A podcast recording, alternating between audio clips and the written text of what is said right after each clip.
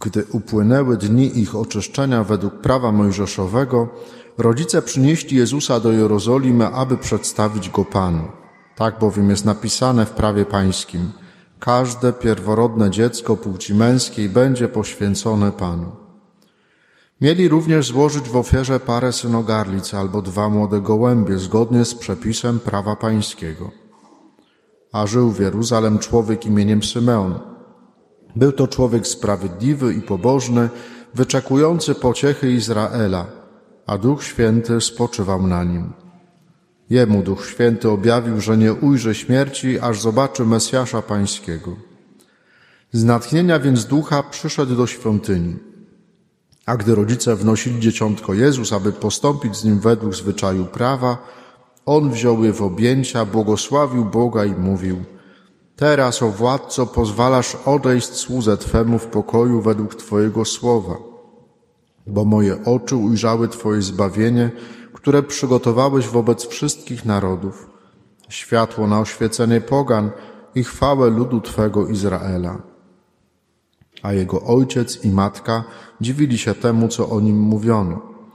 Symeon zaś błogosławił ich i rzekł do Maryi, matki jego – Oto ten przeznaczony jest na upadek i na powstanie wielu w Izraelu i na znak, któremu sprzeciwiać się będą. A Twoją duszę miecz przeniknie, aby na jaw wyszły zamysły serc wielu. Była tam również prorokini Anna, córka Fanuela z pokolenia Asera, bardzo podeszła w latach. Od swego pełnieństwa siedem lat żyła z mężem i pozostawała wdową, liczyła już sobie osiemdziesiąt cztery lata. Nie rozstawała się ze świątynią, służąc Bogu w postach i modlitwach dniem i nocą. Przyszedłszy w tej właśnie chwili, sławiła Boga i mówiła o nim wszystkim, którzy oczekiwali wyzwolenia Jeruzalem.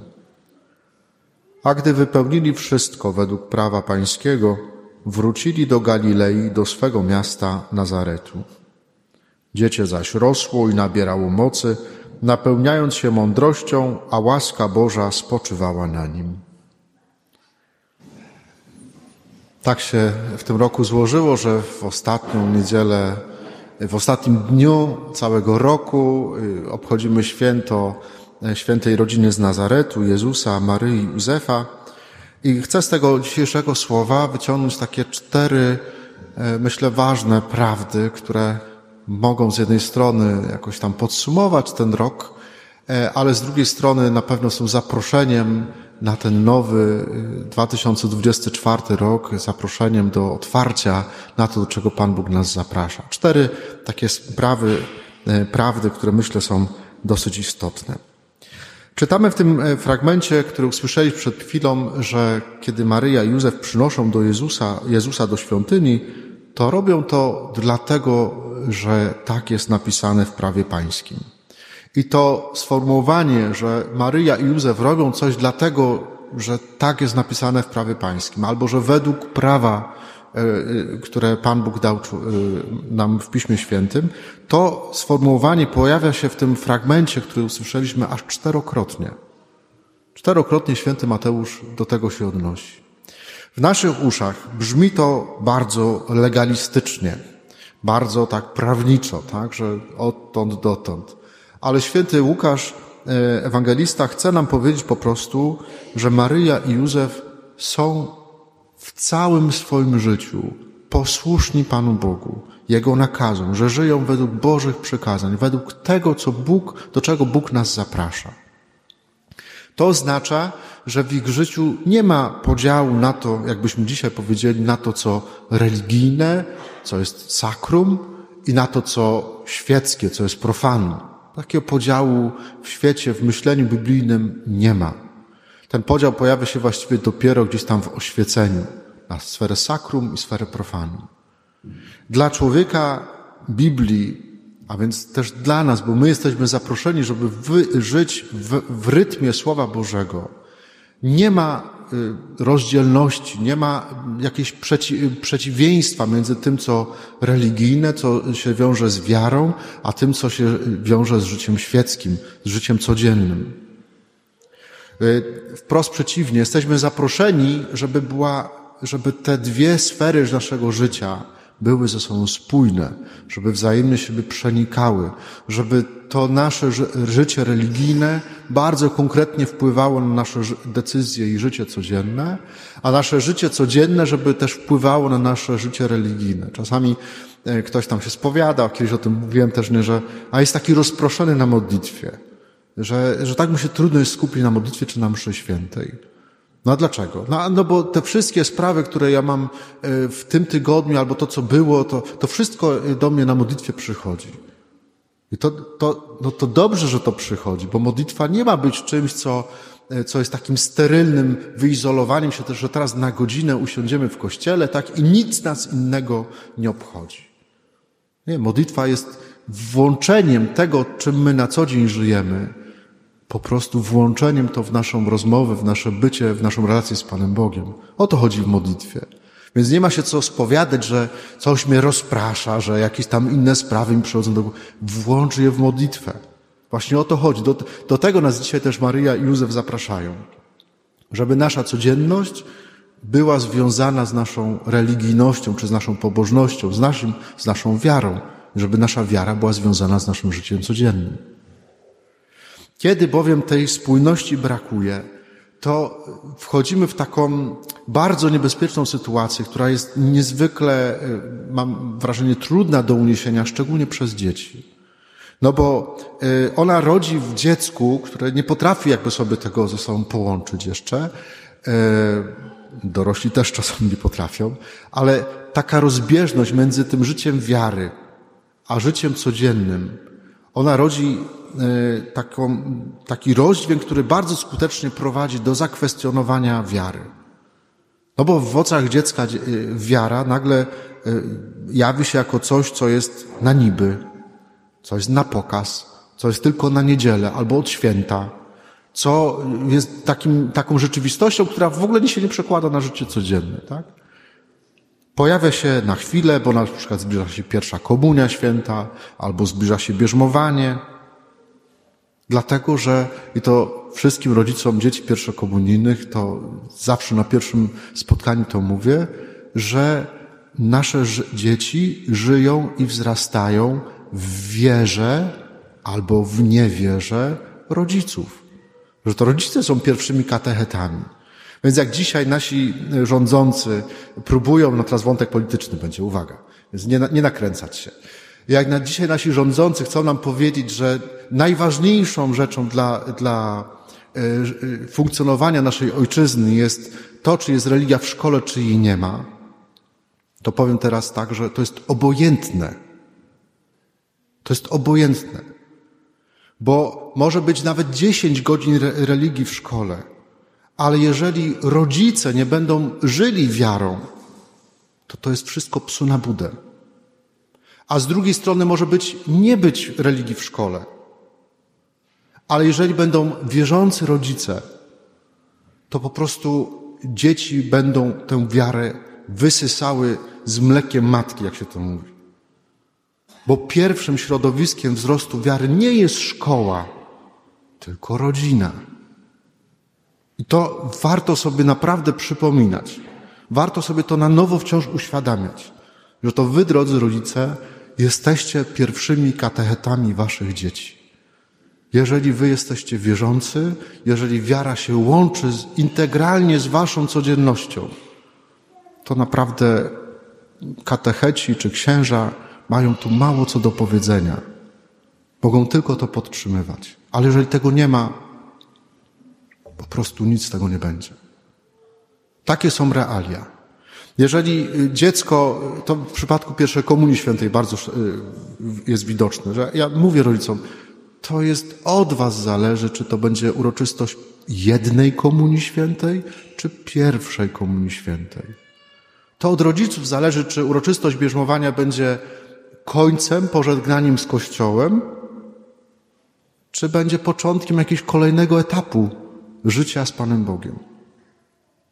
I myślę, że y, znając siebie, znając swoje rodziny, swoich sąsiadów, znajomych, y, popatrzcie w tym kluczu na, na te różne sytuacje, na te różne okoliczności i dokładnie tak jest. Po prostu tak jest.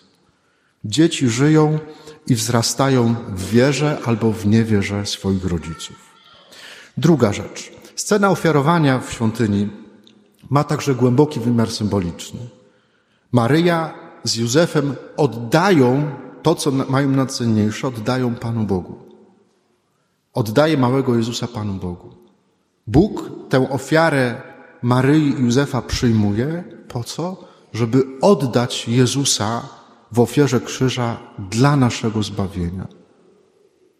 Bóg Ojciec i Maryja Matka dają nam swojego Syna, aby nas zbawił.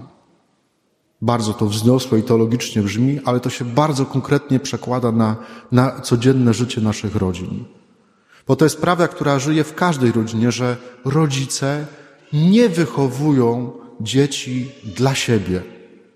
Że ten, ta cała inwestycja, którą wkładacie w wasze dzieci, że się staracie o ich rozwój, o, o ich wzrost, o to, żeby były jak najlepszymi ludźmi, to tak naprawdę nie będziecie z tego korzystać z owoców tej inwestycji. Że to przygotowujecie wasze dziecko, żeby było kiedyś dobrym mężem, czy dobrą żoną, dobrym kapłanem albo siostrą zakonną, żeby był dobrym pracownikiem, żeby był dobrym pracodawcą. Więc to inni będą korzystać z owoców waszej pracy. Wy ofiarujecie swoje życie dla tych dzieci, po to, żeby one mogły ofiarować swoje życie dla innych.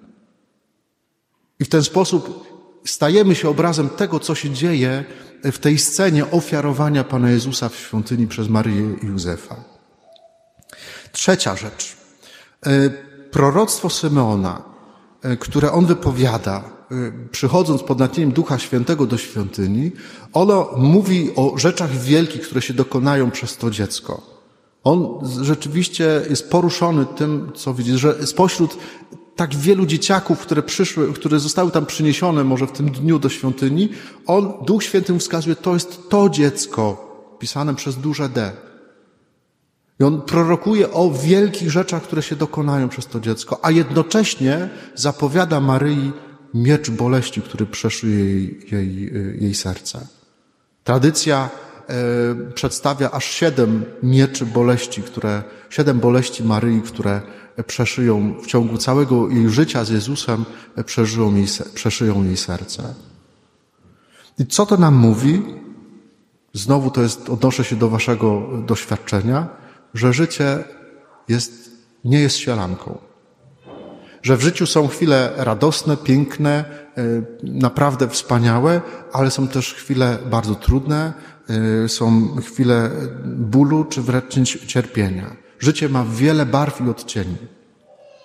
Co nie oznacza, nie oznacza wcale, że to życie nie może być piękne. Właśnie wprost przeciwnie. Właśnie dlatego, że życie jest tak wielobarwne i tak bogate, to dlatego może, możemy być w tym życiu szczęśliwi. Że ono nie jest czarno-białe, że nie jest tak, nie. Tylko, że, że tak wiele, tak wielkie bogactwo różnych doświadczeń mamy. I czwarta rzecz. Zwróćcie uwagę, że nie wiemy właściwie nic o tym, co się działo po ofiarowaniu Pana Jezusa w świątyni. Kiedy czytamy Ewangelię Świętego Łukasza, to następną sceną jest scena, kiedy, kiedy Maryja i Józef odnajdują po trzech dniach poszukiwania dwunastoletniego Jezusa w świątyni, kiedy siedzi między, między nauczycielami i dys, prowadzi dysputy te, teologiczne. E, a następna scena, już po tej scenie, no to jest taka, że, że widzimy już trzydziestoletniego Jezusa, który przychodzi nad Jordan do Jana Chrzciciela.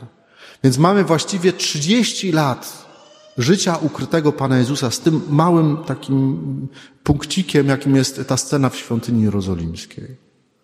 I to jest, y, y, te lata właściwie bardzo podobnie święty Łukasz podsumowuje i w tej dzisiejszej scenie, i w tej scenie dwunastoletniego Jezusa w świątyni. Mówi, że dziecię, czy Jezus wzrastał w mądrości, w łasce u Pana Boga i u ludzi. I to są bardzo ważne słowa. Jedno takie zdanie powtórzone, y, ale ono jest bardzo, bardzo istotne. Dlaczego? Bo ono nam mówi, że wielkie rzeczy dzieją się w naszej codzienności, naszej zwykłości. Powtarzam się teraz względem tego, co mówiłem w zeszłym tygodniu, ale to nam, to nam naprawdę znowu pokazuje e, Ewangelia, że naprawdę ta szara codzienność, ta banalność dnia codziennego jest niezwykle, niezwykle ważna. I że ona nie jest bezcelowa. Że Pan Bóg chce, żeby ta nasza, wasza, nasza codzienność, żeby ona była czasem wzrostu w mądrości, w łasce u Pana Boga i u ludzi. I teraz mamy okazję troszeczkę wejść na chwilę do tej waszej codzienności.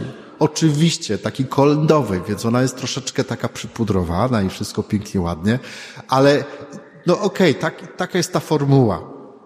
Ale dla mnie osobiście to jest bardzo ważne, że możemy się z wami spotkać. Że wpuszczacie nas na chwilę do waszej codzienności.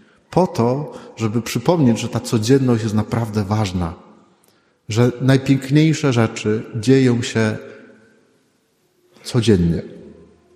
Codziennie. Jeśli mamy czegoś sobie życzyć, za coś dziękować za ten miniony rok, ale życzyć sobie na ten nowy rok, to, to życzę i Wam, i, i sobie, i nam jako kapłanom, duszpasterzom, żebyśmy wzrastali w tym nowym roku w mądrości, w łasce u Pana Boga i w łasce u ludzi. I wtedy będziemy żyć według tego, do czego Pan Bóg nas zaprasza. Amen.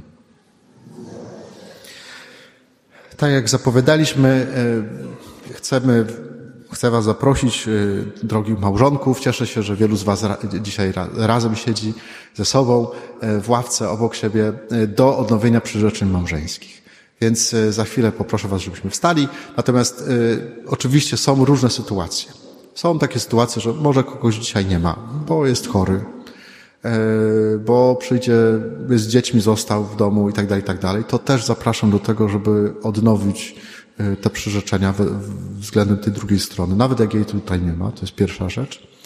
E, tego kuska, tego buziaka sobie później na końcu sobie w trybie prywatnym sobie dacie. Ale są też takie sytuacje, że kogoś zabrakło tak, że, że, że Pan Bóg już wezwał kogoś do siebie, albo jeszcze inne okoliczności, bardzo trudne, to niech to będzie takie zaproszenie do takiego odnowienia wewnętrznego woli, czy to, jeżeli ta druga osoba żyje, e, woli, że ja chcę dobrze dla tej drugiej osoby, choć to jest czasami bardzo trudne, albo do modlitwy po prostu za naszych bliskich zmarłych. Więc zapraszam Was, e, powstanie.